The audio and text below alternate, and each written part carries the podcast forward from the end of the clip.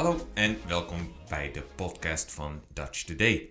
Heb je gezien dat de pepernoten terug zijn in de supermarkt? Deze speciale Sinterklaas koekjes. Ze verschijnen eind augustus al in de supermarkt en blijven daar tot 5 december.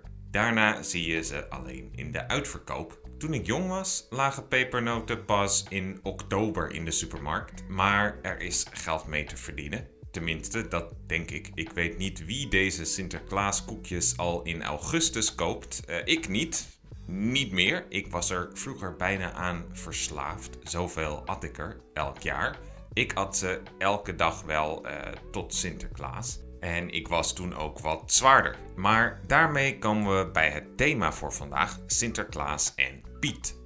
Uh, dat was altijd Zwarte Piet, maar de laatste tijd niet meer. Hoe komt dat? Wat is de historie van dit verhaal en hoe denken mensen in Nederland hierover? Ik hoor bij mijn studenten soms ideeën hierover die niet kloppen. Dus ik zal je er iets meer over vertellen. Dat lijkt mij uh, belangrijk in de discussie. Zoals alle discussies is ook deze discussie enorm gepolariseerd. Of je bent een racist, of je bent een politiek correct sneeuwvlokje. Daarom wil ik in het midden gaan staan en eens objectief kijken wat de situatie was en wat de situatie is. Ik heb er wel een mening over en daar zal ik ook over praten. Laten we beginnen bij Sinterklaas zelf. Sinterklaas is de Nederlandse kerstman.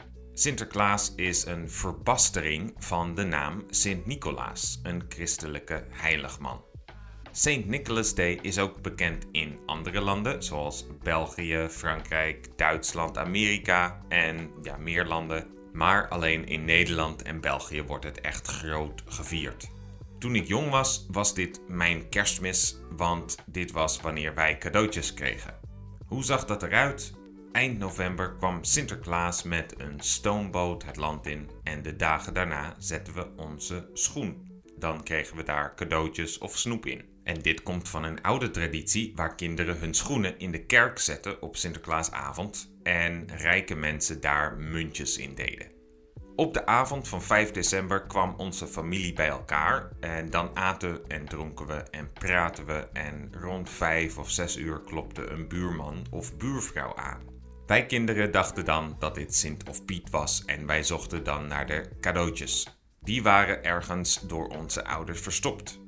En als we ze vonden, brachten we ze naar de woonkamer, waar we één voor één de cadeautjes uitpakten. Het was traditie en in onze familie was dit belangrijk om gedichten bij de cadeautjes te geven. Dus vaak moest je, voor je het cadeautje opende, eerst een gedicht lezen. Vaak stond daar een hint in over het cadeautje zelf. Uh, nu gebeurt dit een stuk minder. Op school vierden we Sinterklaas ook, dan kregen we de naam van een andere student en moesten we een cadeautje voor die persoon kopen.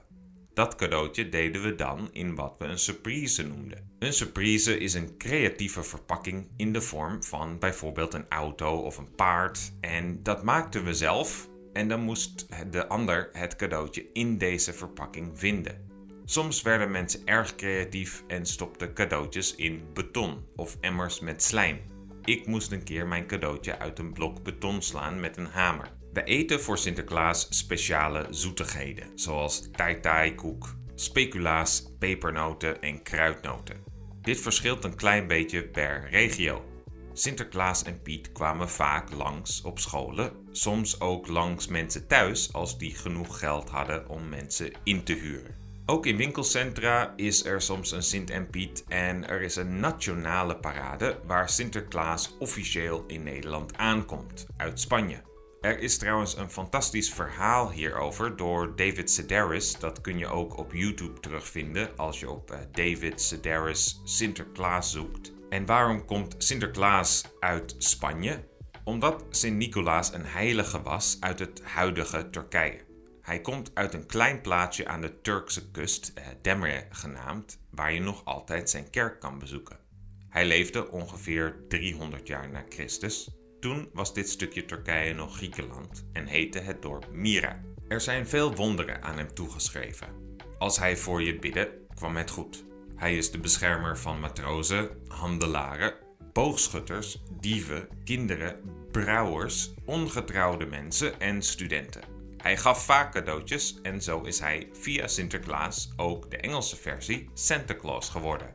De Nederlanders die in de 17e eeuw naar New York gingen, of New Amsterdam toen nog, eh, om dat te koloniseren, brachten hun traditie van Sinterklaas mee. Daar werd hij eerst Saint Claus genoemd en later Santa Claus. Toen Sint-Nicolaas doodging, zijn een deel van zijn botten naar Italië gebracht en Spanje was een tijdje de baas in het dorp waar de botten van Sint-Nicolaas lag, lagen. En daarom zeggen Nederlanders nog steeds dat hij uit Spanje kwam. En waarom rijdt Sinterklaas rond op een wit paard? De traditie van Sinterklaas heeft zich gemengd met oudere heidense tradities. Zo reed Wodan op een wit paard. En dat kinderen eten voor het paard neerzetten komt van het offeren aan de goden uit tijden van voor de christelijke religie. De liedjes die gezongen werden hadden vaak een educatieve rol. Het bekendste liedje, Ziegins komt de stoomboot. Ziegins komt de stoomboot uit Spanje weer aan. Introduceerde deze nieuwe technologie bijvoorbeeld. In de 19e eeuw vertrok hij weer per luchtballon op 6 december, maar dit verhaal wordt nu niet meer verteld. Laten we nu eens kijken naar het controversiële stukje van de Sinterklaasviering. Dat is natuurlijk wat we Zwarte Piet noemden. Het was misschien tien jaar geleden dat de discussie in Nederland begon over Zwarte Piet, of dit racistisch was of niet. En voordat ik daar iets over zeg, laten we eerst naar de geschiedenis kijken, want waar komt Zwarte Piet vandaan? Dit is een karakter dat in 1850 is uitgevonden door een schoolmeester om over aan kinderen te vertellen. Hij werd de helper van Sinterklaas genoemd en was inderdaad zwart van kleur in kleurrijke kleding. Sinterklaas was ook veranderd. Voor die tijd was hij een enge man die kinderen bang maakte. Nu was hij een deftige oude man met een zwarte helper. En over de exacte relatie tussen Sint en Piet wordt nooit echt iets duidelijk. Sommige mensen praten over het woord knecht. En dit is een woord van uh, dezelfde origine als het Engelse knight. Maar is Sinterklaas de baas van deze knecht, deze knight? Want een knecht heeft ook een baas. In 1850 was de slavernij in de koloniën van Nederland officieel nog niet afgeschaft. Daarom was niemand echt geschokt toen prinses Marianne van Oranje-Nassau in Egypte een Nubisch slavenjongetje kocht en op een stoomboot mee terug naar Nederland nam. Dit in hetzelfde jaar dat Sinterklaas dit ook deed, ook op een stoomboot. Het was in deze tijd ook nog in de mode als je rijk was om een Nubische page, een bediende, te hebben. Dit zag je vaak in schilderijen. Daarin lieten rijke mensen zich afbeelden met een zwart jongetje dat voor ze werkte. Dit was in combinatie met nog een beeld waar mensen in Nederland mee bekend waren: de Moor. De Moren waren een Afrikaanse stam die voor het jaar 1400 in de zuidelijke helft van Spanje woonde. Zij hebben daar bijvoorbeeld de Alhambra gebouwd en veel andere islamitische architectuur. Uiteindelijk zijn de meesten teruggegaan naar Afrika nadat de christenen ze uit Spanje verjaagd hadden, maar sommigen bleven in Spanje. Zij droegen vaak kleurrijke kleding waar de kleding van Zwarte Piet misschien vandaan komt. Omdat Sinterklaas voor de Nederlanders ook uit Spanje kwam, was dit logisch. Er is ook een kans dat er een connectie bestaat met de christelijke feestdag Drie Koningen. Hier werd gevierd dat drie wijze mannen de ster volgden naar de stal waar Jezus geboren was. Een van deze drie wijzen was een zwarte man. Kinderen gingen op deze dag in groepjes van drie door de buurt om snoep op te halen. Een soort Halloween dus. Uh, een van de drie kinderen werd zwart gekleurd om de Afrikaanse koning voor te stellen. Dit gebeurde op sommige plaatsen, uh, of dit gebeurt in sommige plaatsen in Nederland, in Zuid-Nederland, nog steeds. Maar niet zoveel meer. Er is een kans dat dit ook invloed heeft gehad op hoe Zwarte Piet eruit zag. Na 1924 was Piet niet alleen meer. Het was niet meer Piet en Sint, uh, Sint en Piet, zoals nog in veel liedjes te horen is, maar Sint en de Pieten. Dat kwam omdat steeds meer kinderen moeite hadden te geloven dat één enkele Piet alle cadeautjes voor alle kinderen rond kon brengen. De eerste discussie over Zwarte Piet was ongeveer in diezelfde tijd. In 1930 werd een artikel gepubliceerd in een Amsterdamse krant, de Groene Amsterdammer, waarin de schrijver zei dat we kinderen een foute associatie geven door zwarte mensen altijd als stereotypes af te beelden en dat we ook eens een zwarte Sinterklaas moesten hebben, geholpen door een witte Piet. Dit was geen succes en de traditie bleek te sterk. Sinds de jaren 70, toen de voormalige kolonie Suriname af onafhankelijk werd en veel Surinamers naar Nederland verhuisden, kwam er meer protest. In de media werd hier nooit over gerapporteerd tot het jaar 2011. In 2011 begonnen twee activisten het project Zwarte Piet is racisme. Bij een optocht van Sinterklaas droegen ze t-shirts waarop dit stond en werden ze gearresteerd. Dit kwam in het internationale nieuws. Twee jaar later, in 2013, gebeurde dit weer.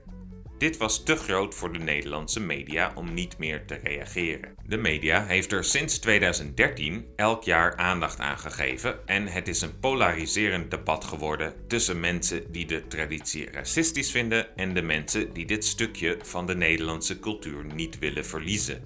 Het komt in hetzelfde rijtje te staan als mensen die voor of tegen vaccinaties zijn. Mensen die voor of tegen de boeren zijn. Mensen die voor of tegen lockdowns zijn. Er zijn twee extreme kanten en niets anders. De regering deed in het begin ook geen uitspraken, maar in 2020 zei premier Rutte eindelijk dat hij anders is gaan denken over Zwarte Piet. In 2013, aan het begin van de discussie, zei hij nog: Zwarte Piet is zwart. In 2020 zei hij dat hij veel mensen gesproken had die zich gediscrimineerd voelen en het nu beter kan begrijpen en vindt dat het moet veranderen. Maar de overheid zal dit niet afdwingen, dit moeten de mensen zelf doen. Hoe is het op dit moment? Uh, veel gemeenten en zeker de grote steden doen niet meer aan Zwarte Piet. Zeker niet in de officiële parades die door de gemeente worden gefinancierd. Zwarte Piet is op de meeste plaatsen vervangen door Roetpiet. Een Piet die zwart is omdat hij door de schoorsteenhuizen binnengaat. Dit is een goede oplossing, vind ik, waar iedereen blij mee moet kunnen zijn. De traditie van de Sinterklaashulp gaat niet weg, maar hij is nu echt een beetje zwart door de schoorsteen. Niet het hele gezicht is zwart en Piet heeft geen rode lippenstift meer op. Piet kan trouwens ook een vrouw zijn. En sinds de jaren 60 heeft Piet ook geen accent meer en is niet meer een dom figuur. Dus door de jaren heen is Piet ook al veranderd. En deze verandering van Zwarte Piet naar Roetpiet is gewoon weer een moderne aanpassing aan de traditie. En elke keer dat een traditie aangepast eh, wordt, is hier kritiek op. Maar de interessante vraag vind ik: hoe kan het dat er in het jaar 2022 in het progressieve Nederland nog een traditie bestaat die door veel mensen als racistisch gezien wordt? Zijn de mensen die de klassieke Zwarte Piet willen zien allemaal racisten die geen gevoel hebben? Ik wil graag aan niet-Nederlanders uitleggen hoe het kan dat dit heeft bestaan en op sommige plaatsen nog steeds bestaat. Hoe zien de Nederlanders die Zwarte Piet willen behouden dit? Toen ik jong was, hadden we de klassieke Zwarte Pieten en het is belangrijk om te begrijpen hoe kinderen dit zien. Kinderen stellen geen vragen, ze vinden Sinterklaas gewoon een leuk kinderfeest. Zwarte Piet is een witte persoon met zwarte verf op het gezicht en geen enkel kind denkt dat deze persoon echt zwart is. Deze persoon geeft ze cadeautjes en snoep, dus dit is een heel positieve persoon voor kinderen. Er is een onderzoek gedaan op scholen en de twee karaktereigenschappen waar kinderen Zwarte Piet mee associëren zijn moedig en hardwerkend. Kinderen zien dit als een mythische figuur. Wanneer een, kind, eh, een wit kind ruzie heeft met een zwart kind, heb ik hem nog nooit in mijn leven horen zeggen: Jij bent Zwarte Piet. Nee, veel van de mensen die nu ouder zijn en fan van de Zwarte Piet-traditie zijn zo opgegroeid en begrijpen niet waarom Zwarte Piet racistisch is als ze zulke positieve herinneringen hebben aan deze traditie. En daarom is dit hun blinde vlek. Dat merk ik ook aan mijn ouders. Het is een blinde vlek voor ze. Als Zwarte Piet racistisch is, dan zijn mijn ouders ook racistisch en dat kunnen ze niet geloven. En dat kan ik begrijpen, want toen ik jong was, hebben mijn ouders me altijd opgevoed met het idee dat iedereen gelijk is. Dat iedereen evenveel waard is. Ik moest mijn ouders uitleggen dat als Zwarte Piet racistisch is, mijn ouders niet direct racisten zijn omdat ze dit vroeger een leuke traditie vonden dat dit betekent dat we de traditie moeten veranderen om het inclusiever te maken. Want dat iets traditie is, is de slechtste reden om iets niet te willen veranderen. Vroeger waren andere dingen acceptabel en andere dingen nodig. Dat zijn ze nu vaak niet meer. Als we alle tradities willen behouden, moeten we ook weer heksen gaan verbranden.